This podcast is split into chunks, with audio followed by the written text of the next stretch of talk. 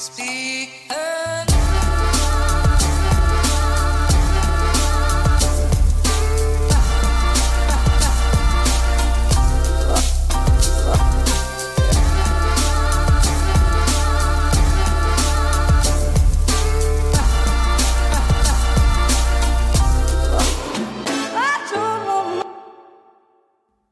god dag og velkommen hit til Klagemuren. Det er rett og slett torsdag 30. mai, og klokka mi er 13.21.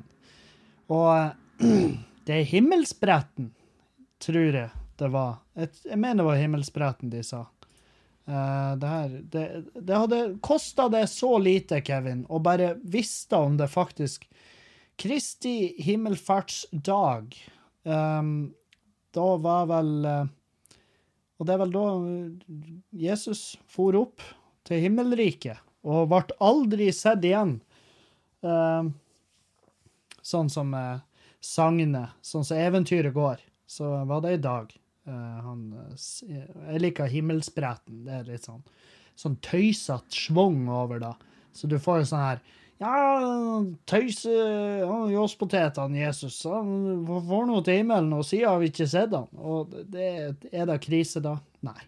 Fordi at ryktet sier at eh, Eller eventyret sier at neste gang vi ser han, så er det ikke en hyggelig sammenheng. Da er motherfuckeren der, han er sint. Han har ting han skulle ha gjort, og det er å, å rense jorda for alle. Og um, noen blir tatt vare på, og noen ikke. Og jeg tror jeg er i uh, noen ikke-kategorien der. Jeg tror jeg Jeg skal ikke Altså, jeg er jo ikke en ond jævel, men dæven, jeg er ikke en bra jævel heller. I hvert fall ikke i forhold til eh, hva det er de forventer av oss mennesker. Um, anyhow, uh, i dag så har jeg, jeg vært og trena. Ja, jeg har trena bra denne uka, og jeg har trena fornuftig, for det er noe nytt jeg prøver. um, jeg skal vi se hva, For jeg har et sånt treningsprogram jeg har begynt på. Og det er liksom uh, Det her er for jogging, for at jeg vil, jeg vil få min, uh, min fem kilometer under 25 minutter.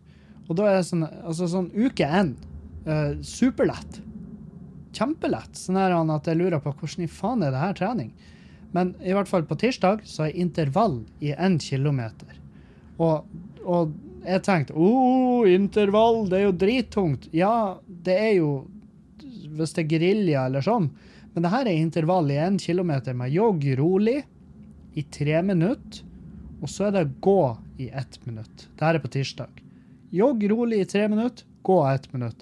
Helt til du når én kilometer. Og så Eh, på onsdag styrketrening eller annet. Eh, den, den tok jeg etter den eh, lille joggeintervallen. Eh, og da trener jeg litt forskjellig. Jeg trener stort sett hele kroppen.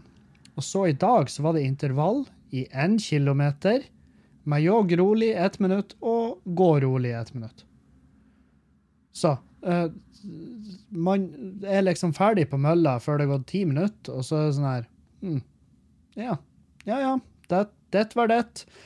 Men så har vi jo lørdagen, eksempel. Da skal jeg ha intervall i tre kilometer med jogg rolig i tre minutter og gå ett minutt. Og da, og da begynner det å bli avstander, så det er vel dit vi skal, at jeg skal jobbe meg opp. Um, og liksom, hvis vi går da til uh, siste uh, uka, siste uka, eller nest siste uka da, så er det intervall i tre kilometer med løp to minutter og gå ett minutt, pluss fire stigningsløp på 40 meter. Fire stigningsløp? Ja, da må jeg vel bare opp med, med, med den der eh, med, Hva det heter Incline, decline, incline. Den her han, eh, vinkelen på mølla for svarte. Og så er det, det er tirsdagen, og så er det styrketrening på onsdag. Og så torsdag så er intervall i fire kilometer med jogg rolig åtte minutter og gå 30 sekunder. Og så på lørdag er det langkjøring i tre kilometer. Jogg, løp så mye som mulig av distansen. Rolig til moderat.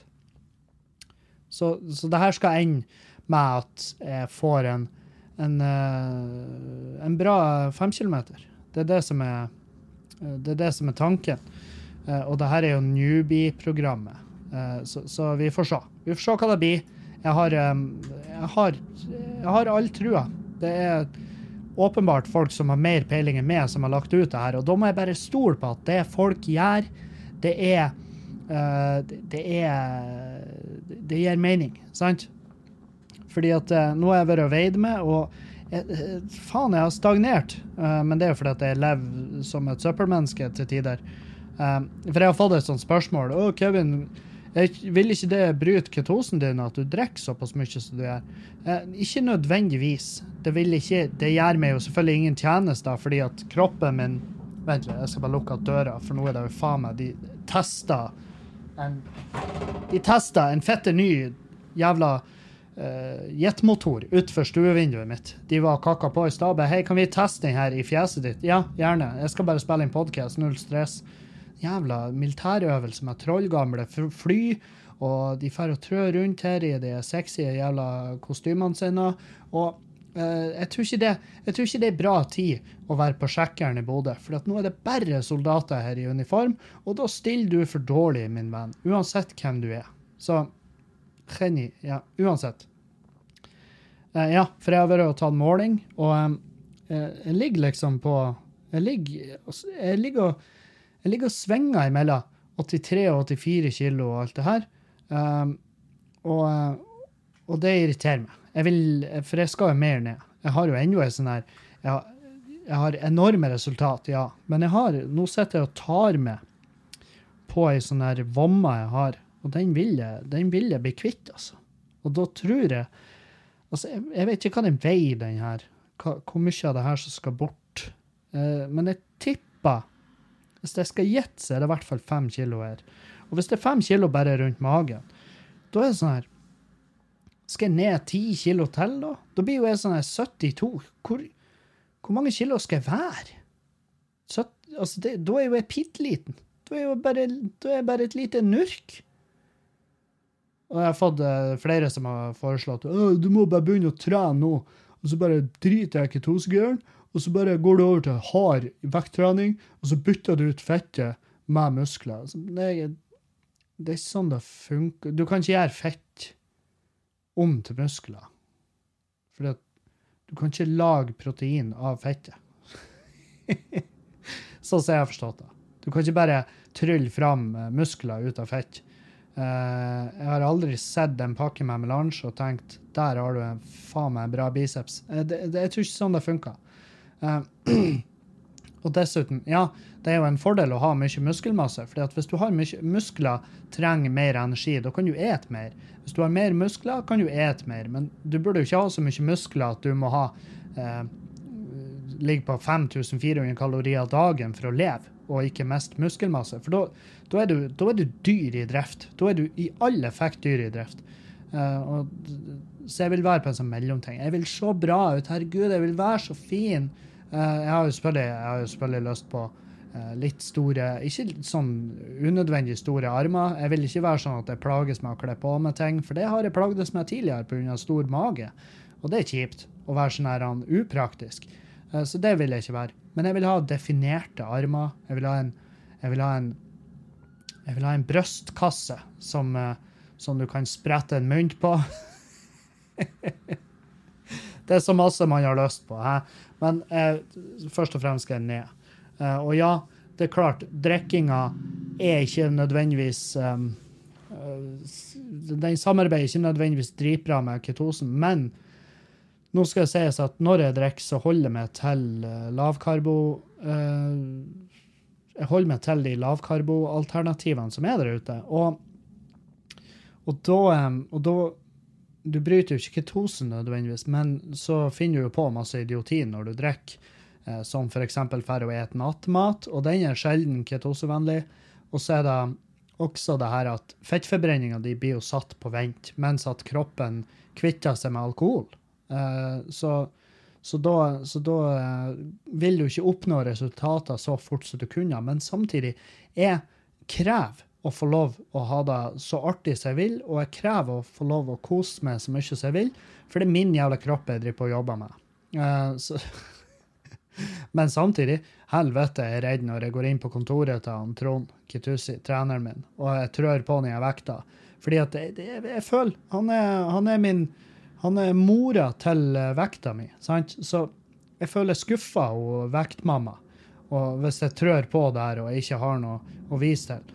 Men samtidig så er det sånn her, du må jo ikke fokusere på å holde eh, på å gjøre han fornøyd. Du må jo fokusere på å gjøre deg sjøl fornøyd. Og det er jo sånn det burde være. Og jeg er jo kjempefornøyd, men jeg vet at jeg kan bli trippelt fornøyd. Jeg kan bli femdobbelt fornøyd hvis jeg bare kommer dit jeg har lyst til å være. Og eh, jeg har fått meldinger fra folk som hører på denne podkasten, som er sånn her Å ja, men du får meg til å følge med drit når du forteller om dine resultat og det du gjør, og sånn her. Ja, men jeg blir ikke å beklage for det. For det er du som velger å føle det som drit. da. Jeg sier ikke at du er drit. Du, du er verdens beste menneske, så lenge du koser deg med deg sjøl. Men hvis du går rundt og har det kjipt med deg sjøl, så må du gjerne med det. Det er min mening. Men hva du gjør, og hva du tar ut av det her, det er helt opp til det som lytter. sant? You're the consumer. sant? Det er du som er det er du som velger hva det er slags produkter du skal benytte. Du velger hva det er du skal gjøre med ditt eget liv. Og ingen kan stoppe det, med mindre du bryter loven, selvfølgelig, og politiet kommer og skyter i fjeset. Men, uh, men uh, Det var jo litt, litt, eh, litt drastisk der, Kevin. Det er jo veldig sjelden politiet i Norge skyter folk. Ja, det er helt sant. Det er utrolig sjelden. Og la oss nå holde det sånn. Hva? Eh, så nei, gjør, gjør hva du vil, så lenge det ikke går ut over noen. Og hvis det går ut over deg sjøl, så må du i hvert fall gjøre det mens du koser deg. Sant? Om det, er, om det er narkotika, eller om det er alkohol, eller om det er søppelmat. Så lenge du koser deg. Det verste er, og det her har jeg gjort så mange ganger, det verste følelsen i verden det er å sitte og ete en hamburger, og så koser du deg ikke. Du har det ikke digg med den. Du sitter og gjemmer det. Det er da du føler. Du sitter og gjemmer det, og du, hvis du får øyekontakt med et speilbilde, så bare begynner du å skrike og bare 'Slutt å stirre på meg!' Sant? Det, det, er ikke, det er jo ikke der du vil være. Så, så ta, sett deg sjøl i en posisjon i livet der du koser deg med hva enn det du holder på med. Og hvis du er der, så har du lyktes. Sant? Og da er det uavhengig av penger og helse og alt der. Så lenge du koser deg, så, så, så gjør du det du burde gjøre. Det er min mening. Um, når vi er nå inne på det her temaet, overvektige, uh, så um, Så uh, var det en sånn sak ute i avisen Nordland. Um, det, det var, det var en av Bertha som var klaga på at det ikke fantes klær til overvektige. Og uh, hun krever at, uh, at det blir mer alternativ til overvektige. Og du har jo først og fremst så har du det at du kan ikke kreve hva en butikk eh, skal tilby. Eh, fordi at det er ikke en offentlig institusjon. Du kan ikke, det er sånn her Du kan kreve i alle himmelretninger, men du, du vil ikke bli hørt med den innstillinga. Uh, og det er sånn her, Hvis jeg hadde drevet en butikk, og noen kom inn og bare krevde noe, så hadde jeg kommet til å bare automatisk tenkt Jeg vet ikke hva du snakker om, men jeg skal aldri i mitt jævla liv ta inn den varen. Um, og så har du klær til overvektige. Uh, det er mange grunner til at det er så, så lite av det. Og der er noen butikker, og jeg så det var flere som kommenterte ja, jeg prøver å handle på Sissi og der og der og der for overvektige, liksom. Men det er så dyrt. Ja, selvfølgelig er det fette dyrt. Det, det er et nisjeprodukt, det her. Fordi at det har vært gang på gang bevisst. Bare google det. Plus size clothes business. Det er ikke bra business. Det er dritbusiness å selge klær til overvektige. Fordi at um, når du er skikkelig overvektig, så er det uh, vanskeligere Det blir vanskeligere på en måte å finne størrelsene. Så, så der fins inn i helvete med størrelser for overvektige. Og så i tillegg så er det at det er ikke så mange ennå. Det er klart, sånn som Norge er på tur eh, per i dag, så, så om 20 år så, så vil nok eh, klær til overvektige være en dagligvare, nesten. Altså, i, altså en mer vanlig vare å se på, på eh, handlesenter og sånn. Men du, du har det at, har det, at uh, det her med størrelser, det er et nisjeprodukt, det er ikke så mange som drar og handler det. Det er jævlig mange overvektige, men flere av de bare det, Nå snakker jeg ut av egen erfaring, og, og det er sånn Jeg, jeg hater å dra i klesbutikk. Fordi at jeg var overvektig. Det var helt jævlig. Og derfor holdt jeg meg hjemme. Jeg bestilte på nett. Jeg visste jo sånn cirka størrelse. Og på nettbutikkene så er det sånn at hvis du får en størrelse som er feil, så kan du returnere den gratis og få en annen en. Det, det, det er veldig ofte sånn. Og, og, det var, um, og det var min løsning, for at jeg for ikke i butikk. Jeg husker jeg for inn på Carlings og bare 'Hvorfor har dere ikke den her i min størrelse?' Så er det jo, og da var det en fyr som svarte meg helt ærlig. Han bare sånn Nei, fordi at du er den første i år som har kommet og spurt om det. Og derfor har vi ikke den i din størrelse. For det var ikke min butikk. Carlings var ikke der jeg kunne handle. Jeg kan handle der nå, men jeg, kan, jeg kunne ikke da før. I det hele tatt. Og, og det irriterte meg. For jeg syntes det var kule klær. Men, men, samtidig, jeg forsto jo at ja, det, her er det business som gjelder. Det, det, det, er fuckings business. Så hvis, hvis du syns det er så jævla forferdelig at de ikke selger klær i din størrelse, og du føler at du har et behov for at det her skal jeg faen meg kreve at de tar inn, ta begynn å selge klær sjøl. Åpne en pluss size butikk, only, og så forteller du meg om fem år hvordan den businessen går. Forteller du meg hvor hvor jævlig gasellebedrift det er snakk om her. For det, det, nekter jeg å tro. Jeg tror ikke det, fordi at statistikken viser at det, det er dårligere business. Selg klær til tjukke folk. Sånn er det. Dessverre. Men sånn er det. Den dagen folk som er overvektige, sprenger ned døren Sprenger ned døren på klesbutikker, sorry, så, så vil det bli solgt mer av det. Men inntil da så blir det ikke å skje. For det er dårlig business. Det er mange sånne kommentarer som ja, det er jo dobbelt så mye stoff som blir brukt i klærne. Ja, vet du, til og med da har det innvirkning. Og det sto For det, det, jeg, jeg har googla det her. Jeg leste amerikanske uh, artikler. ene var fra Washington Post, og det selges dritlite av det. Og det, Derfor er det dyrt det som selges. Fordi at de produserer det selvfølgelig i et mye mindre antall. Og det er til og med i USA, det her. sant? i USA, som er det tjukkeste landet. Så det, det, er bare rett og slett ikke god business. Og med mindre du kan presentere en banebrytende businessmodell på det, så blir det ikke å skje noe med det, uansett hvor mange jævla kronikker du skriver. Sånn er det bare. Og det er Ja, det er synd til Men, men sånn, sånn, er livet. Start din egen business. Jeg hadde handla der hvis det hvis det var Jeg husker jeg gikk inn på Dressmann XL. Det var liksom det, det, den, den lever jo. Det er jo en bedrift av og, eh, jeg skulle si av og for overvektige, men det, det, er for overvektige. Store menn. Store menn. Og det, det er ikke bare overvektige. Du har jo de her gen, eh, altså, genfeilfolkene, altså sånn skikkelige kjøtthester.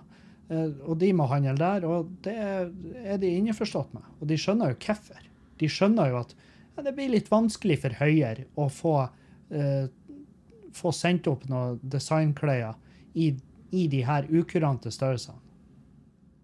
Det du kan gjøre, er å gå til butikken og spørre du, hvis, dere, hvis jeg ser noen plager, kan dere bestille de i min størrelse? Så svarer de som regel ja. Og hvis du prøver den da, og den ikke passer, så får du levert inn igjen. Så uh, Nei, jeg, jeg syns ikke er synd i oss. Og jeg sier oss, for jeg, jeg liker Altså, jeg er fortsatt tjukk på både er tynntjukk, og jeg er tjukk på innsida. Så jeg, jeg sier det her. Og, og, jeg føler at jeg har lov å si det, fordi at jeg har så jævlig mange år levd som det her. Og nå tok jeg et annet valg enn det veldig mange gjør, som er at jeg gjorde noe med det. Og all ære til de som uh, som, eh, som, eh, fortsetter å leve sånn, og trives med det. For det er liksom den eneste grunnen til at jeg gjorde noe med det. var at Jeg trivdes jo ikke. Jeg kosa meg ikke med meg sjøl. Gikk og var tungpusten og så ei trapp så fikk jeg dødsangst. Det, det, det, er jo ikke et liv jeg ville leve. Men hvis noen vil leve da, all good in the hood. Det, så, det legger jeg meg ikke borti. Så Men ja. Og det er jo klart, det er jo dritvanskelig å svare. Det er jo dritvanskelig å kommentere. Jeg hadde lyst til å kommentere på, på den kronikksaken, og så tenkte jeg nå må du faen ikke ut hit og vandre, Kevin. Du vet hva som skjer. Du har vært en av de jævlene her. Og hvis du kommenterer noe, så får du faen meg så ørene flagrer. Da er det bare Nei, du har faen ikke lov å si en dritt til meg! Ikke en dritt! Aner du hvor, aner du hvor vanskelig Ja, jeg vet da faktisk. Jeg aner faktisk hvor vanskelig det er. Men jeg aner også ei løsning som jeg kan presentere for deg her i min hule hånd. Men du kan jo også bare ignorere den, sånn som du mest sannsynlig blir å gjøre. Så ja. Ah. Faen. Eh, hvis du ikke følger Faktisk på eh, Facebook, så må du gjøre det. Faktisk.no, tror jeg de kaller seg. Det er sånn eh, de, de er de er laga for faktasjekk. Eh, Når folk begynner å dele sånne her ville påstander, så er faktisk.no ute og sjekker det, og de, de legger arbeid i det. Og, eh, og så er de ute og bekrefter eller avkrefter. Og ufattelig ofte er de ute og avkrefter. Um, og det siste her var sånn I et bilde på Facebook som er delt mer enn 5000 ganger, påstås det at Norge låner ut 300 milliarder til Tyskland og 600 milliarder til USA og Japan til 0% rente. Det stemmer ikke. Faktisk helt feil. Um, og jeg har ikke sett noe av det her bildet, men det er sikkert fordi at jeg hadde sånn røddesjau. Jeg hadde sånn helvetes raid i vennelista mi hvor jeg har fjerna sånne dumme jævler som deler piss uten å i det hele tatt ha ensa muligheten for at kanskje det her er joss. Kanskje det her er bare rein, reinhekla bullshit. For det er så fette lei at folk har fri tilgang på sosiale medier. Det skulle, alt skulle, Hvis noe skulle være regulert, så er det faen meg det her. Men samtidig ikke. Fordi at jeg synes det er faen, det er faen meg så artig å se hvor dum folk kan være, og samtidig fungere i samfunnet. Sant? Jeg ser folk som er faen meg ingeniører, og folk som er har doktorgrader, som er ute og sier dumme jævla ting, og så tenker jeg, hvordan i smerte har du juksa det gjennom livet fram til nå? Hvordan har du ikke drukna i dusjen? Og det For du- sånn- sånne jævla folk, det irriterer meg så steinhardt. Og det sa jeg, det er faen meg hvis de hadde blitt utsatt for forferdelige ulykker, så hadde det vært vanskelig for meg å føle sympati. Jeg hadde tenkt i religiøse baner og bare ja, ja, noen var lei en eller annen entitet der ute var sånn Jesus fucking Christ. Det var ikke det her, det her er ikke grunnen til at jeg laga det og satte det til livs. Så slipper de en murstein i hodet på dem. Og Nei, jeg vet faen. Eh, det er bare og Jeg er så glad jeg hadde ryddesjau. Jeg har fjerna folk som jeg egentlig anså som venner. Eh, Men så tenker jeg at vet du, hva er det den personen egentlig gjør meg? Og hva er det den, jeg gir den personen? Vi går bare rundt og irriterer oss over hverandre, og det er aldri en hyggelig kommentar i, i kommentarfeltene hvor vi snakker i lag om ja, hvordan går det, og kommer du hjem til jul, og sånn sånn her.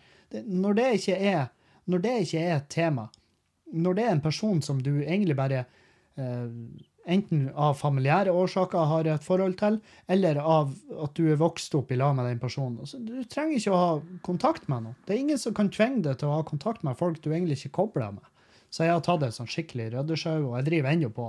fordi at veldig lenge så var jeg ja, Jeg aksepterte alle som la meg til på Facebook, og det er ikke bra. Fordi at da slipper, da slipper folk inn som jeg for det første ikke skal kobles med, og for det andre så var det altså jeg så, Det var en fyr som kommenterte her eh, at det er et par år siden, så skrev han til meg bare Helvete, det er jo bare ungjenter du har i vennlista di. Og så gikk jeg inn i vennlista mi og bare Ja, visst faen er det masse ungjenter her. Det er jo bare små Altså, det er bare 14-åringer. Jeg Fra Arnt Finesse-tida. Folk som jeg hadde bare godkjent ut, av, ut i ville helvete. Altså, de bare «Jeg kjenner han Kevin. Nei, det gjør du faen ikke. Du kjenner ikke en dritt med meg. Hadde du kjent meg, så hadde du ikke likt meg. Og nei, så Så jeg har fjerna masse, masse, masse unge jenter. Altså. Og så har jeg også fjerna en hel masse, masse gærninger som bare uh, Som bare jeg ikke kan koble med. Så, så ja. Å, herregud. Det er godt, godt å være støl igjen etter trening. Jeg har spist godt i dag. Laga kebab. Jeg laga en kebabdressing som er bare helt uh, fantastisk. Og det er ikke ei oppskrift jeg sjøl har funnet på. Den ligger på melk.no, tror jeg var. Så bare søk kebabdressing, og så lager du den, og så lager du den kebab. Uh, sånn som jeg lager kebab, så har jeg masse grønnsaker. Jeg har squash, sopp, løk, uh, hvitløk. eh, Hva annet har du, Kevin? Må du tenke fort nå? Nei, jeg Ja, så rundt der. Eh, og så har jeg alltid ei gryte, eller på, i stekepanna, så steiker jeg det i lag med masse krydder og litt olivenolje. Så steiker jeg det godt. Og så har jeg ei lefse i lag med enten kjøtt eller falafel. Uh, begge er jævlig gode. Og så har har jeg over den dressingen og kanskje et salatblad eller to. Og så uh, tygger du den i det med vigør i øynene. Med magi i blikket tygger du det her i det, og du elsker det. På grunn av sammensetninga, og den jævla dressingen er så fantastisk. Og, og nok en gang må jeg få ros de her lavkarbo-lefsene til eh, gymgrossisten, som har gjort det mulig for meg å ete eh, taco og kebaber og sånn her uten å bryte ketosen. Og det er ikke reklame, for jeg har ikke fått en fuckings dritt ifra gymgrossisten. Um, nei, så det. Så det, så. Ja, Juliane elsker den maten. Hun er, er liksom, hun er inne i en sånn kebabperiode nå. nå. Hun er veldig Hennes matvaner det er ekstremt periodebestemt. Altså det er sånn her Hun kan ha ei tacouke, hun kan ha ei kebabuke, hun kan ha ei pizzauke. Det er sånn Og det, det er veldig lett, da. Det er veldig lettvint.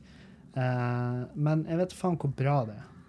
Jeg vet ikke hvor, hvor ofte burde man variere. Er det ikke nok hvis man har ei uke der og ei uke der? Um, men, men samtidig, hvor variert blir kosten hennes kontra min? Uh, nå har jeg brukt Jeg kjøpte biff på eh, Jokeren, som var på tilbud. Biff som er strimla og så stekt og hadde i. Og det var, det var fortreffelig. Det var et nydelig måltid. Og, eh, men jeg kan jo også anbefale falafelgreieren til Helsans Køk. Um, kjøk. Helsans, helsekjøkkenet, svensk. Eh, Helsans Køk. Det høres ikke bra ut i det hele tatt. Um, Nå så jeg bare for meg sånn, for, sånn bilde på pakken hvor det står en, en svensk kokk med en diger, erigert kuk i handa. Så står det bare 'Helsans køk'. Men uh, det, det er jo ikke da i det hele tatt. Det er vegetarisk, og det er bra. Um, veldig godt. Veldig godt. Så Juliane hun et bra. Hun jobba inn i helvete masse. Hun sa til meg bare sånn 'Kevin, har du tenkt over at det er ondt å leve?' Og jeg bare 'Nei, det har jeg ikke tenkt over'. Hun bare 'Det er ondt å, det å være i live'. Og da var jeg sånn Det har ikke jeg energi eller tid til å tenke over. Det er det sjukeste jeg har hørt, og jeg blir ikke å tenke over det. Og jeg beklager til alle som hørte det her nå og sitter og kjenner på det og bare Fy faen, han har rett. Hun har rett. Hun har helt rett. Det er dritvondt å leve. Men faen, hvor artig. For en artig ting å si. Det er det rareste jeg har hørt. Eh, Tenk over hvor vondt det er å leve. Ja, nei, nei, nei. Jeg blir ikke å tenke på det heller. For det er den siste bekymringa mi. Det er det siste jeg trenger i livet nå. Det å gå rundt og bekymre meg fordi det er vondt å leve. Åh. I morgen så har vi så har vi humorrazzia på Skubare. Da skal vi eh, masse nykommere og noen rutinerte komikere skal teste ut tekster. Så det blir fett. Det gleder jeg meg til. Humorrazzia er bestandig artig. Eh, Det er mye pute-TV, for det er mye dårlig, og det er mye bra. Så, eh, så det er Man vet aldri hva man får, og da er det ekstra artig. Det blir en sånn spenning rundt det. Bare, å, jeg lurer på om jeg får se noen kuk da skikkelig til. Å ja, jeg har stått på humorrazzia mang en gang og spist mitt eget rævøl. Så eh, det er absolutt anbefal, eh, for i hvert fall for de som liker klovn neste sommer og alt sånn pute-TV. Så, eh, så ja, kom utover. Det er fort, vi er vel halv, halvveis utsolgt. Og så har vi klubbkvelder i neste uke. Torsdag på Læningen og fredagen på Skubaret. Da er det Dag Sørås, Hans Magne Skar, Emmy eh, eh, eh, eh, Amanda Erlandsen og Marlene Stavrum. Og så har vi en lokal komiker òg som vi skal push, pushe inn der. Men jeg er litt usikker ennå hvem det skal være. Kanskje det er noen som gjør det såpass bra på humorrazzien at de får prøve seg litt. Hvem vet? Det, vi får se. Vi får se. Uh, Så leste jeg en sånn her forferdelig, forferdelig sak på, om eh, det her med unger og iPads. Og da var det en eh, Og det skal riktignok Det er en viktig detalj det her. Det var en eh, autistisk gutt fra Var det i Neder... Nei, Frankrike. eh, det, er en, det er en dokumentar som heter 'Det digitale dopet'. Altså fordi at for unger, de blir avhengige av skjermer. De blir avhengige av mobiler, de blir avhengige av iPader, som om det var deres egen lille heroin. Sånn digitalt heroin. Og, um, og uh, det her var en uh, autistisk gutt som bare forsvant helt til skjermen. Han har ikke prata på over et år. og Det er et helvete for mora å få kontakt med han. Uh, det ble hulumhei i det sekundet hun tok ifra mobilen eller uh, iPaden, men det, det, er vel Jeg vet faen om For mange for mange autister så er jo det krise. Hvis du tar ifra dem noe de er fiksert på, så, blir de, så, så, så, så reagerer de. Da utagerer de tvert. Så det er jo selvfølgelig Det der har jo litt å si, men, men, eh, men du ser hvor mange unger som forsvinner i telefoner og iPader. og Det, sånn, det er en jævlig lettvint løsning. Jeg vet jo sjøl, hadde jeg vært forelder Dæven, jeg hadde, jeg hadde vedda på at jeg hadde begravd den jævla ungen i digitale enheter, sånn at jeg kunne bare få fred mens jeg gjorde det jeg skulle gjøre. Men samtidig så tror jeg jeg kommer til å være nøye på at du, nå eh, har du brukt Nå har du brukt Du vet, du vet Hei, Jens. Du vet at det er tolv timer maks hver dag. OK? Tolv timer med iPad hver dag, det er nok. Nå, nå skal vi ete, og så skal vi sove. det har vært en eh, Ja, fy faen. Det har vært neglisjering, tipper jeg, eh, på grunn av min mangel for Min mangel på eh, behov for å henge med små mennesker som ikke kan prate i fulle setninger. Det er vel der det ligger. um, Nei, så det.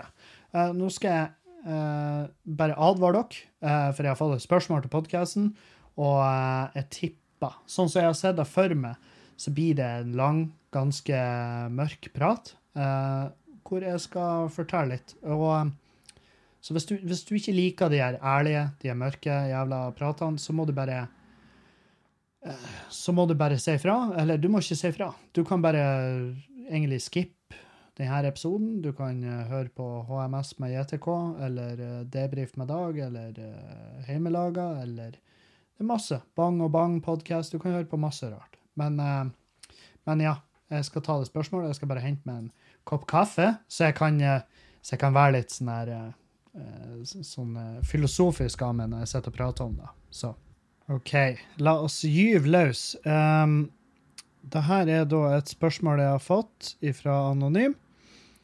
Uh, jente 27. Kall meg June. OK. Um,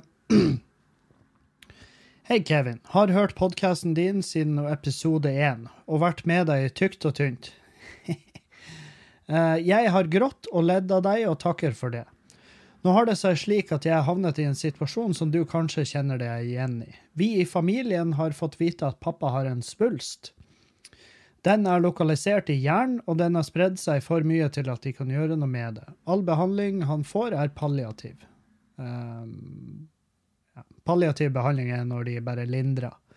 Um, sånn at de, de, har på en måte bare anerkjent at det her blir ikke å ordne seg, så da uh, går fokuset over i at pasienten skal ha det så godt som mulig sine siste dager. Jeg har holdt meg litt på sidelinjen. Uh, jeg vet ikke hvordan jeg skal gå frem fra i dag av. Jeg reiser hjem i morgen for å være sammen med familien og pappa. Sykehuset var forsiktige med å si noe om prognosene og hvor lenge vi kan se for oss, men de sa at alt ifra uker til et par måneder. Jeg har pratet med sjefen min, og hun er skeptisk til at jeg skal ta fri, men det kjenner jeg at jeg gir litt faen i per i dag. Uh, ja, så rett du gjør. Hva kan jeg forvente meg? Hva bør jeg gjøre? Hvordan ser jeg min egen far i øynene når vi begge vet at han skal dø? Hilsen jente 27. Uh, ja. Dette er jo absolutt noe jeg kjenner meg igjen i. Uh, og um, først av alt, uh, du må jo uh, Du gjør helt rett i å gi faen. Hvis sjefen din ikke ser den situasjonen du er i, så uh, kan, du, kan hun, hun kan fuck off. Hun kan Du trenger ikke henne. Du 20, du er 27, du har masse tid på det. Eh, hvis den jobben ryker, og jeg vet, ikke, vet da faen om jeg ville jobba der hvis hun ikke har forståelse for at du trenger eh, fri nå når eh, dere går gjennom det dere gjør. Um, så, så ja, en, sånn, en arbeidsgiver med så jævla mangel for forståelse for de som jobber der, eh, det, det er ikke folk du vil jobbe for. Eh, så det er jo nummer én. Eh, før jeg svarer, så tenkte jeg at jeg skal fortelle litt om gangen i hvordan det, uh, hvordan det var når, når vi gikk gjennom det. Jeg husker at uh, jeg husker at jeg var jo, jeg var jo ganske ganske nylig kommet hjem. Uh, Flytta nordover. Og så husker jeg at jeg var på besøk hos, eh, hos et vennepar av meg, Simen og Iris. Jeg var hjemme hos de, og så, og så ringte han pappa meg. Og da sa han til meg Han var sånn der eh, Jeg hørte på stemmen hans. Det her har jeg prata om på scenen òg. Um, og jeg hørte på stemmen hans at faen, pappa er redd. Det, det hørte jeg med en gang. Jeg hørte det var noe rart. Og, um, og han ringte og fortalte uh, Han spurte meg hva jeg gjorde, og så, og så sier han uh, Du, jeg har nå tatt meg og mamma til lege. Fordi at og mamma hadde vært sjuk. Hun har jo hatt, for det første har hun hatt kreft tidligere. Hun hadde kreft i spiserøret tidligere, og kom seg gjennom da behandlinga og alt det der. Så hun hadde, hun hadde hatt et par år da hvor hun, eh, hvor hun eh, ikke Altså, hun var ikke helt 100% frisk. Hun måtte drive på å blokke ut i halsen. Det vil si at i og med at de hadde behandla halsen så aggressivt som de hadde gjort med stråling, så, så lukka svelget seg. Så hun måtte av og til å blokke ut. Og da var det det er vel basically sånn at de er nedi med en ballong eller noe lignende og blåser opp for å liksom utvide og uh, gi plass til, til eh, mat og drikke. ikke sant, sånn. Eh, og det måtte hun gjøre på en regulær basis, men det ble bare uh, sjeldnere og sjeldnere hvor hun for og gjorde det. Eh, men så var hun sjuk. Hun var, hun var eh, veldig dårlig. Eh, var, vi tror det var lungebetennelse. Eh, og eh, vi følte at, eh, følte at eh, fastlegen hennes på, eh, på eh, Engavågen ikke hørte etter. Hun eh, tok henne ikke seriøst. Og, eh, og til slutt så tok han pappa og meg til, til Glomfjord, altså en annen lege, og så sa han at nå må dere faen meg gjøre noe. Og eh, da var det til, til sykehuset i Bodø, for hun gjorde en sånn øvelse. Han fikk henne Jeg tror det var da han gjorde. Jeg tror han fikk henne til å gjøre en øvelse hvor hun skulle strekke ut begge hendene og så være borti nesen sin. Og, eh, og da hadde den ene handa bare foret ut av eh, ut av eh, all eh, Altså, den, den traff ikke nesen, for å si det sånn. Og da ble legen bare sånn Å, faen. Ja, vi må til Bodø. For det er nå alle dere som sitter og hører på det her og prøver det Hvis du ikke greier det, det ikke, Jeg sier ikke at du har en hjernesvulst, men det, det er en av testene han gjorde.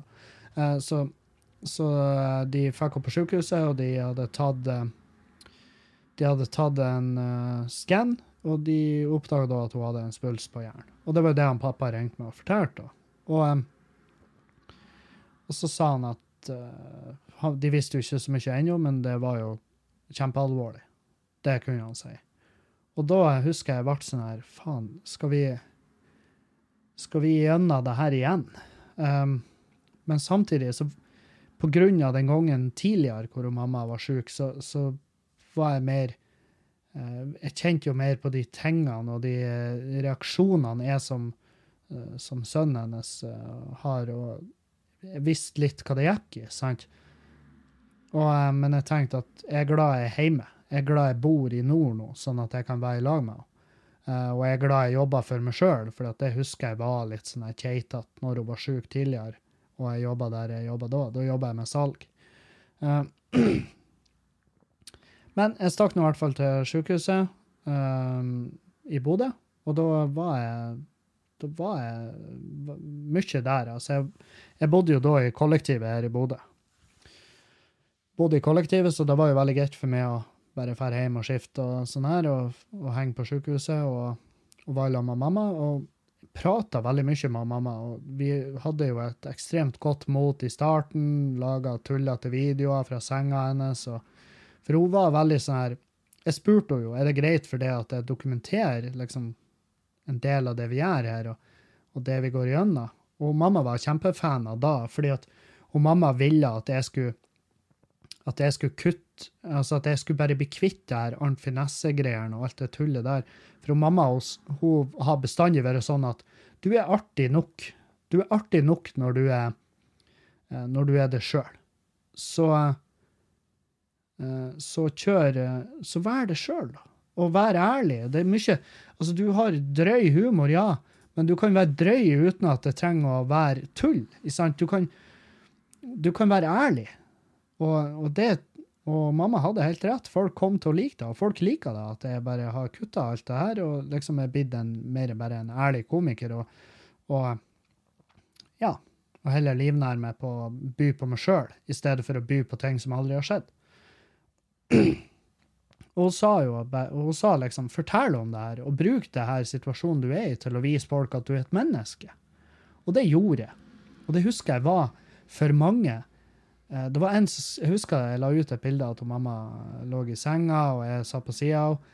Og så eh, skrev jeg at eh, ja, nå er vi i gang med kreft, kampen mot kreft igjen. Og, og da var det en fyr som kommenterte, han sendte meg en snap og bare Hvis det her er kødd, så er det den drøyeste du har hatt til nå.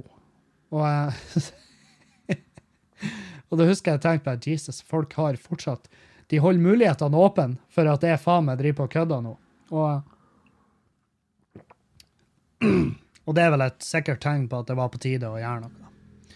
Uh, men uh, mamma var uh, ved utrolig godt mot, og det var vi alle, for hun, hun smitta oss jo med det. Men selvfølgelig, alle var redde, og um, man vet jo liksom at ja, en svulst i hjernen det er som regel det er som regel ikke en uh, bra greie, for det går uh, ofte, ofte er problemet at det tar så lang tid før de blir oppdaga. Og um, jeg husker vi reiste til Hun ble jo ganske dårlig, for at den svulsten den, uh, la jo et visst press på press på hjernen. Um, så jeg husker vi tok, vi tok ambulanseflyet fra Bodø til Tromsø ambulanseflyene, som, som det har vært så jævlig mye hulumhei rundt, at det er ute på anbud, og hvem som helst kan ja, altså det, det har vært et helvete. Og hvis det er én ting jeg støtter, så er det faen meg ambulanseflyene i Norge. De trenger vi, spesielt oppe i nord, der det er så langt eh, veimessig imellom. Eh, så det, det, må vi ha. Men i hvert fall, vi tok eh, flyet opp til, til Tromsø. Jeg husker vi eh, Pappa jeg tok, jeg tok flyet sammen med mamma, og han pappa han kjørte bobil oppover. Kjørte en sånn uh, de, Vi har en gammel sånn russen jævla bobil, sånn dritstygg gammel bobil. Men han var fin innvendig, men det så jo ut som den Breaking Bad, den amfetaminfabrikken på utsida. så hver gang jeg så den, så bare drømte om at han pappa skulle komme ut av den i bare sånn hvitt undertøy og ei gassmaske. Og, og bare Ja, nå er nå er varene levert, folkens. Men i hvert fall, så Så uh, godt uh, innkvartert på uh, sykehuset i Tromsø. Så fikk vi etter kort tid beskjed, og det var i en sidenote. Det hadde ikke vi hørt noe om, men de fortalte at hun hadde en stor svulst på ene lunga. Og det trodde de vi hadde fått beskjed om, men det hadde vi ikke. Så da ble det han pappa sånn Hæ? Og han legen ble sånn Hæ? Uh, så sier jeg sånn Det her har ikke vi hørt noe om. Å ja, ja, nei, det uh, Ja, OK. Da ble han jævlig rar, og den skjønner jeg. Uh, uansett hvor trena leger er sånn der, så, så, blir de aldri flinke til å takle en sånn situasjon. så det var jo beklagelig, men det var ikke noe jeg med. Altså, vi, vi fikk nå i hvert fall vite det. men det de hadde hovedfokus på, var jo den spulsen i hodet. Og da fikk vi inntrykk av at eh, For de sa at de skulle operere den. De skulle operere den svulsten, og, så, og det var Det kom de til å gjøre. Og da fikk vi liksom Nå begynte vi å skjønne at det her går kanskje ikke rette veien. For han sa at han tippa at hvis de opererte den svulsten i hodet, så var det egentlig bare for å gjøre eh, den siste stunda mer behagelig. Fordi at å ha en svulst som presser på eh, i lillehjernen, eller bak, bakpå der, eh, det er ikke noe behagelig. Fordi at den sto på balansesenteret av hjernen. Og det vil si at de, de, de beskrev det for henne. Altså, de beskrev det sånn at hun, Grunnen til at hun ikke prater eller har øynene åpne og spyr mye, det er fordi at for hun så er det som å være i konstant uvær ute på havet. Og det var en ganske jævlig ting å høre, for det, det er ikke sånn du vil at folk du er glad i, skal ha det. Uh, men det var, det var noe, egentlig bare sånn det var. Det var ikke noe vi kunne gjøre med det. De opererte jo den spulsen i hodet, og de, og de var jævlig fornøyd. De sa at det der det, det var en meget vellykka operasjon. Uh, så vi reiste hjem til Bodø og uh, inn på avdelinga der, eh, på øre, nese, hals. Um, mener jeg det var. Var det ikke det? Jo, jeg tror det var det. Øre, nese, hals. Fordi at eh, På grunn av den, at spølsen sto i jern, og at hun hadde hatt eh, den eh, kreften i spiserøret tidligere. Men det er klart, den kreften i spiserøret hadde jo da tydeligvis spredd seg til lungene. Det var jo sånn den var der. Um, og på den avdelinga i Bodø så var, var, hadde vi et helt fantastisk team med sykepleiere. Helt nydelige folk. Um, og de, eh, de tror ikke Jeg ville ikke vært foruten de. Jeg husker jeg var sånn her Faen, jeg vil gjøre noe for de. Altså, fordi at eh, de var bare så jævlig bra. Det var en, eh, en somalier der som jeg, Han var så jævlig kul. Han var så jævlig verdens beste fyr. Jeg vet ikke hva han heter, jeg har ikke sett han siden, men jeg, vet, jeg husker jeg bare tenkte faen, du, du kunne jeg faen meg hengt med. Du, jeg kunne ha Altså, jeg blir ikke er voksen mann, og da er det vanskeligere å bli venner med folk, men han kunne jeg faen meg blitt venn med. ah, jævlig bra dude. Uh, og alle sykepleierne på den avdelinga var var min type folk. Absolutt. Um, og da gikk dagene, for hun mamma var blitt såpass uh, hun, var tidvis veldig dårlig. Prata ikke så mye, men vi satt jo og holdt hender og smila til hverandre. Og, um,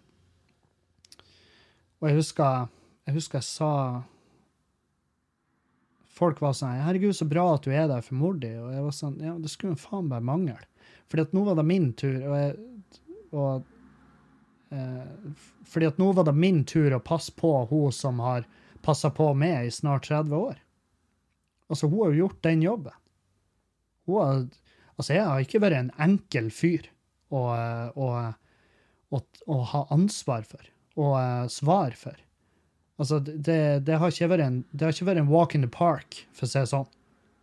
Og hvis det å irritere seg over noen uh, kan gi deg kreft, ja, så hadde jeg hatt en del av skylda. det er jo ingen jævla tvil om. Uh, så, så, nei, det var den største jævla selvfølge. Og jeg tok på meg den rollen uh, veldig fort. Og det gjorde for så vidt alle søsknene. Og det er en veldig, det er en typisk rolle du setter sjøl i ganske fort. Å være og prøve liksom å være praktisk, være støttende, holde deg oppdatert til hver tid.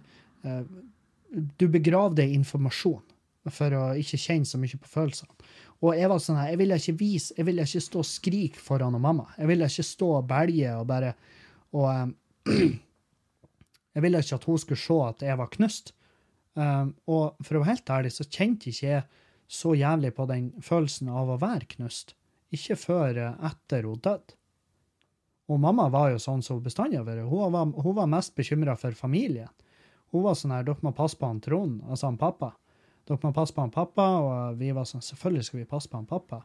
Og, um, og uh, jeg husker jeg hadde en gig på Værøy. Jeg hadde en, satt opp et sånt testshow på Værøy. Og uh, det gjorde jeg, fordi at mamma sa Jeg var sånn du, jeg, jeg, tror jeg avlyste showet, og mamma bare nei, det skal du ikke gjøre. Jeg bare ja, men la oss være ærlige, jeg investerer på været når når du tar steget, for å si det sånn. Um, og hun var sånn Ja, men du har ikke råd, å si nei. Og jeg blir ikke å legge igjen noen penger til det når jeg dør. Så, så hun hadde faen meg den humoren. Den hadde hun hele veien. Og uh, for dere som har sett Dritlivshowet, det ligger ute på YouTube. For dere som har sett det, så er jo mange av de her situasjonene er jo òg beskrevet ganske tydelig der. Uh, men hun var, hun var mest bekymra for uh, familien. Og, hun var sånn Du må komme deg ut til Værøy og gjøre det showet. Og jeg husker jeg for til Værøy, Og jeg prata om det på scenen, at mamma hun ligger for døden, bla, bla. Jeg husker vi filma en eh, Det var fullt hus, det var jævlig god stemning. Og det er derfor Værøy har en spesiell plass i hjertet mitt. Eh, fordi at de var så jævla fine der ute. De var så jævla fine å ha med å gjøre. Og um, Jeg husker jeg reiste hjem fra Værøy, Um, og da var det uh, Da var det på sykehuset, og uh, hun var merkbart dårligere. Um, men hun smila og flira, men hun sa ikke så mye. Sa ikke særlig mye. Um, og de sa at nå, eh, nå er det ikke Nå er det ikke sykt lenge igjen. Um, og ble fort kjempedårlig.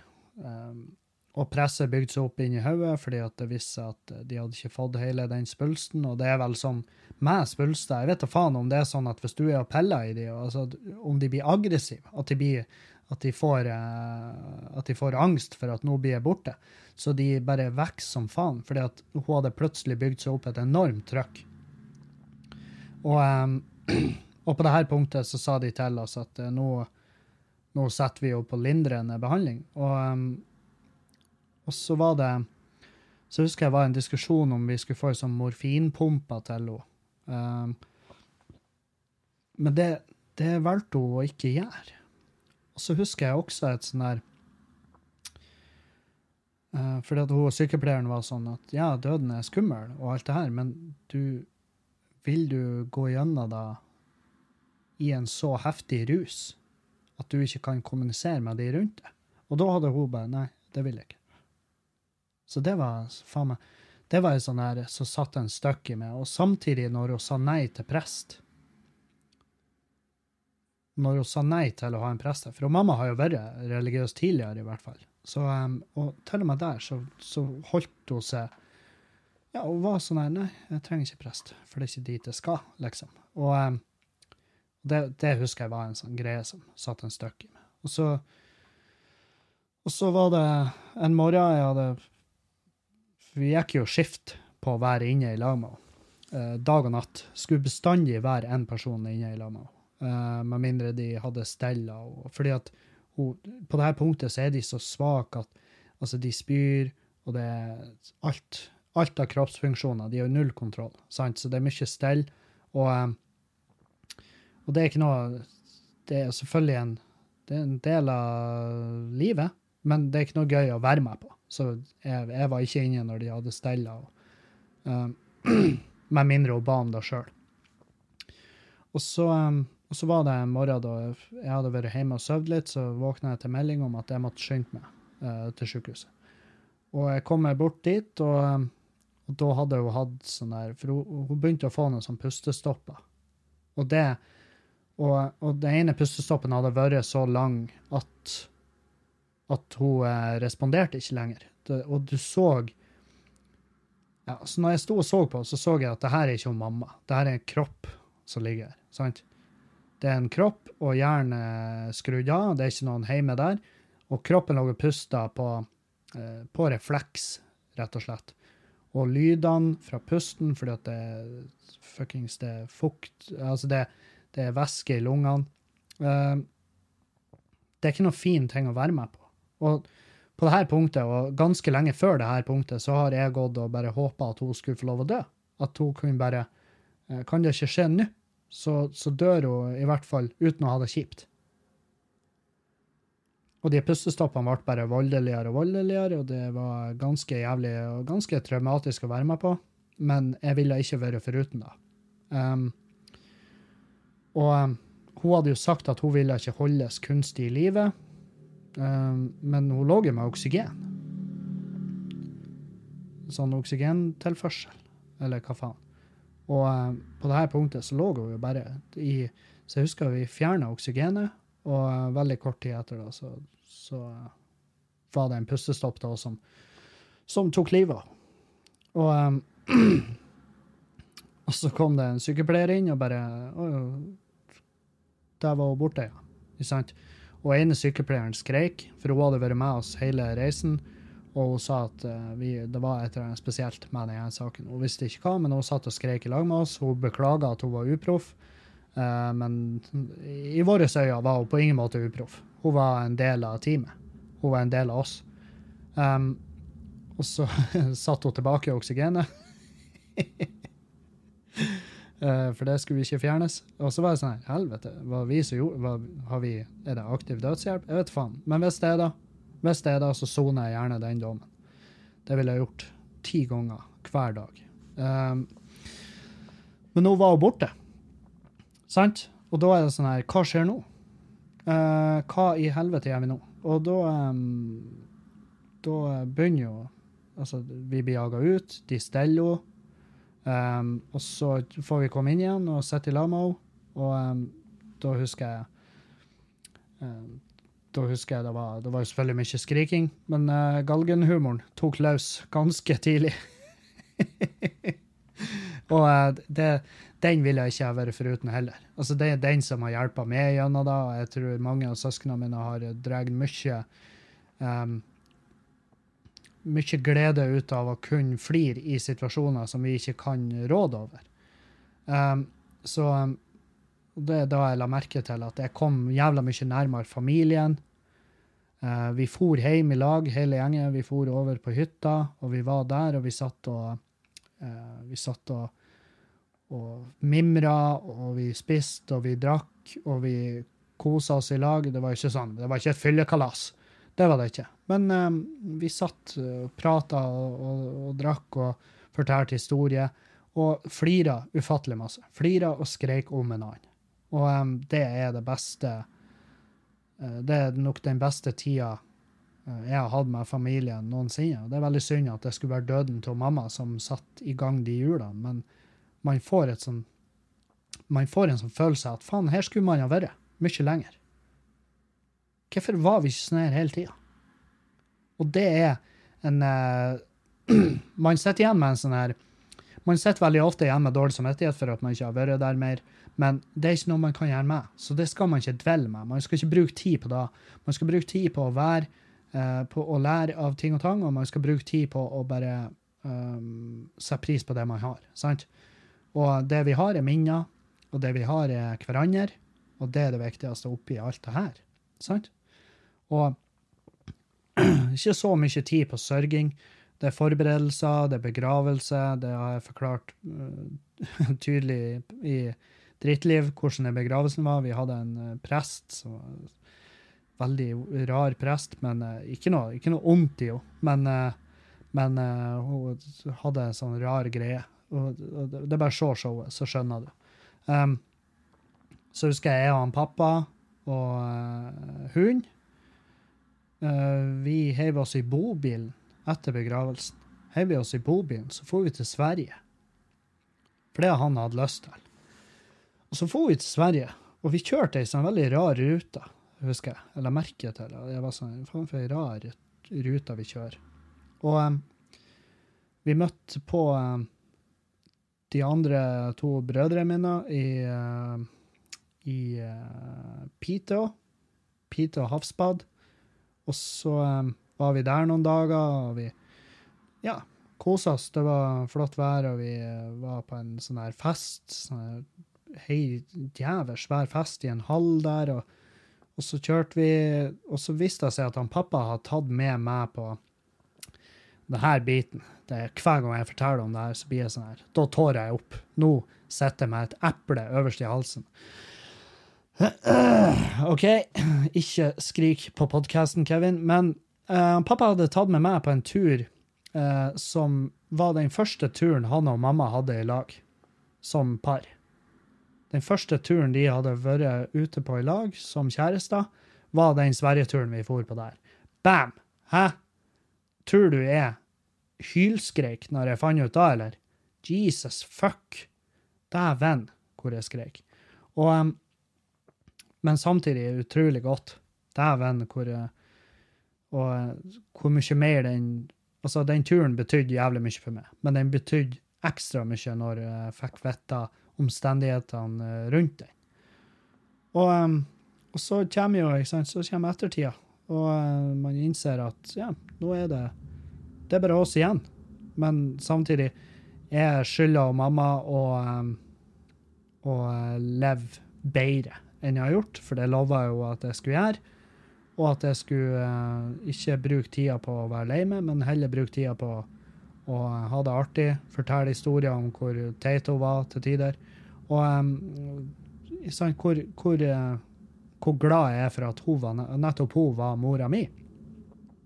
For det er det som er. ikke sant? Du sitter igjen med Du kan velge å bruke tida di på det som er kjipt, men hvis du gjør det, så du får ikke noe ut av det. Du får ikke noe ut av det annet du skal skrike. Ja, du skal skrike, du skal ha det trist, men ikke dyrk det. For hvis du dyrker det, så blir det, så blir det vanskeligere å takle. Og eh, det jeg har fått ut av det, er eh, at jeg er kommet nærmere de familiene mine som, som jeg har et bra forhold til. De har jeg kommet så mye nærmere til enn noen gang. Og eh, jeg har også kommet lengre unna de, ikke, de i slekta som ikke har en positiv effekt på meg. Altså de som har vært som en, en, en humørets dementor i nærheten av meg. Folk som er bare en, en livsgnistvampyr. Og, og, det er folk som, som i slekta som jeg har vært bundet til av blod, og som jeg har hatt et forhold til fordi at det har vært forventa. Og um, um, som jeg ikke lenger har det båndet til. Og jeg har bare kutta ut, mer eller mindre. Både for fucked up ting de har gjort, og, um, og oppførselen deres. Som gjør at jeg, jeg har ingen behov. Har ingen behov for å ha noe med de her folkene å gjøre. Så jeg har Alt i alt så sitter jeg igjen med et bedre og mer kontrollert liv, fordi at jeg har for det første sett hvor skjørt livet er, og samtidig sett hva er det som betyr noe. Og det som betyr noe, er at du gjør du eh, tar vare på de som har tatt vare på det, og at du tar vare på det sjøl, og um, at du uh, prøver å være et uh, ja, så Om ikke annet, prøv å imponere dem med, for et bra menneske de legger igjen når de stikker herifra. Når de parker støvlene for siste gang og legger seg i trepysjamas. Så, er det, så, er det, så sitter vi igjen med det ansvaret som vi, som vi sjøl påtar oss, og det er ofte å være et bedre menneske. Og det er det jeg sitter igjen med sjøl.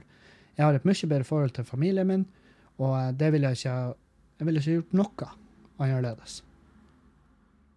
Og, og jeg kunne ha brukt masse tid på å eh, bannes på meg sjøl for at jeg ikke var mer hjemme og besøkt, men, men hva får jeg ut av det? Ingenting. Jeg får kun det er kun et, uh, en ren Altså, det er en ren voldtekt av min egen samvittighet å sitte og tenke på det. I stedet for å tenke Det jeg får ut av det her, det, det, I stedet for å liksom dyrke det positive. sant?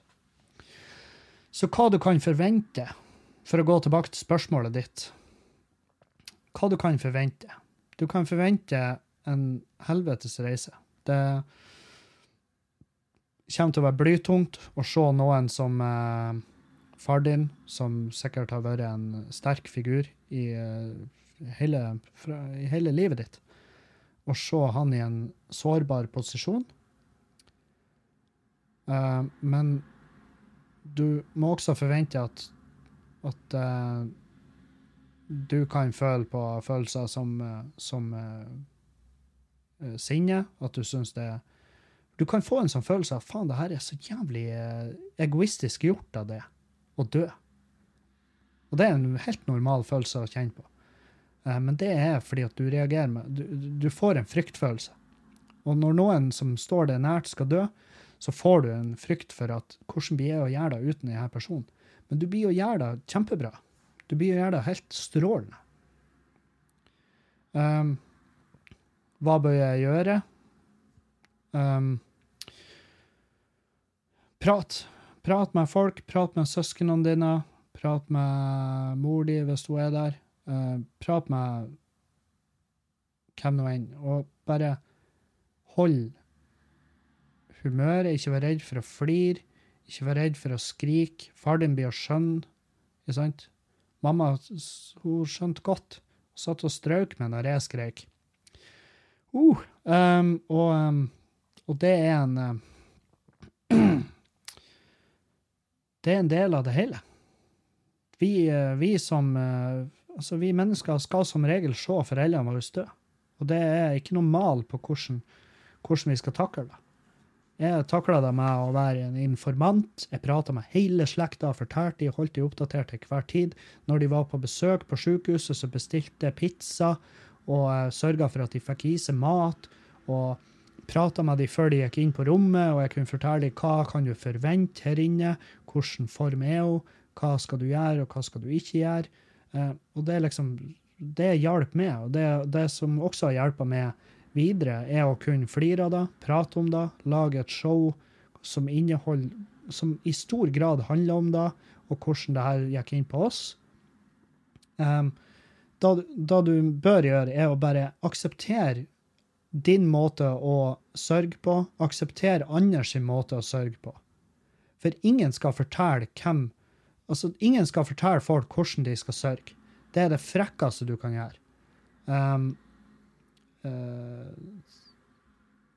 det var en i familien som fikk uh, som fikk uh, som fikk kritikk fordi at han ikke skrek i begravelsen. Og det her er en person jeg ikke har noe til å overspørre, men han fortjener ikke det. Han får lov å sørge på sin helt egne måte. Og det skal ingen legge seg borti. Så aksepter hvordan folk sørger og hvordan du sjøl sørger.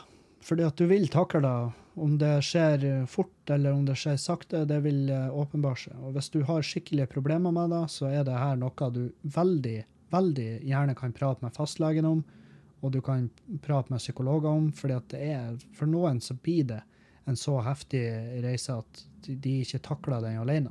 Og det er ikke noe skam i det. Det som er skam, det er å begrave følelser. Det er skammen. Ikke det å slite med det. Hvordan ser jeg min egen far i øynene når vi begge vet at han skal dø? Det, det vil du Det vil komme av seg sjøl. Fordi at det, han er far din, han vet mer enn det. uh, og han vet godt hva som skal skje. Uh, og han er avhengig av at du ser han i øynene og smiler og er og, er, og viser at du er på en måte Du er den voksne dattera hans. Han har gjort en god jobb. Du blir jo greid det. Du kan gi han eh, Du kan gi han de Du kan begrave de bekymringene hans med å si det. Du kan si 'Det blir å gå bra med oss, pappa'. Det kan du si. Å, fy faen. Helvete. Ei, ei, ei. Ja, nei, så nå har jeg gjort det. Jeg har fått masse spørsmål rundt det her, og det føltes som den rette tida å gjøre det. Når jeg fikk det her genuint veldig såre spørsmålet, så var det vel uh, Vi nærma oss vi nærmer oss nå to år siden. Vi nærmer oss to år siden at mamma gikk bort, og um, det er um, og så, Sånn er det. Det, det Jeg sitter igjen med minnene og gleden med å få hatt den æren av å ha henne som mammaen min, og det vil hun bestandig være. Så det er bare å huske at Husk at det her er ikke det her er ikke Det trenger ikke å definere det hva nå enn du har gjort feil i livet, hva du har gjort rett i livet. Uh, poenget er bare at du skal ikke, ikke sitte hjemme med den dårlige samvittigheten. Og hvis du gjør det, ikke dyrk den. Dyrk det at du er der.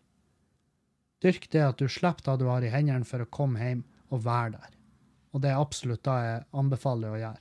Fær hjem, vær der, uansett hvor tungt og hvor hardt det er. Um, for hvis ikke, så er det en ting du blir å angre på. Det det. Så um, jeg, skal, skal, ikke prate noe mer om da. Jeg skal faktisk uh, ikke prate noe mer i det hele tatt, for nå jeg ble faktisk veldig sliten av det her. og uh, jeg må bare beklage til dere som uh, synes at det der var ekkelt å være med på, men det er Man har sine egne valg om man vil høre på eller ikke, og jeg tipper det er mange som som uh, datt av underveis, men av og til av og til så vil det her være en podkast hvor det blir såpass uh, ærlig og blir såpass mørkt. Og, så da det, det, beklager jeg på ingen måte. Jeg håper Du må bare holde meg oppdatert, send meg meldinger uh, og fortell meg hvor dere er i løypa. Uh, og um, så skal jeg prøve å være Jeg skal prøve å bistå så hardt som jeg kan. så uh, må du bare hilse far din og hilse familien, og eh, ta den tida du kan ta i lag med dem. Så, og til dere andre eh, Takk for at dere har vært med. Takk for alle gode tilbakemeldinger. Og eh, ha en fin Jesus, hvor mørkt. Uh, jo, ha en fin helg! Uh, ja, men seriøst, uh, hvis dere er i Bodø og trenger å flire litt etter uh, dere har hørt det her, så kom på Humorasia på Skubare i morgen. Og så høres vi igjen på mandag, og forhåpentligvis en litt lystigere eh, prat. Og så eh, ha ei en fin helg, alle sammen. Ta vare på dere sjøl, og ta vare på de rundt dere. Auf Wiedersehen!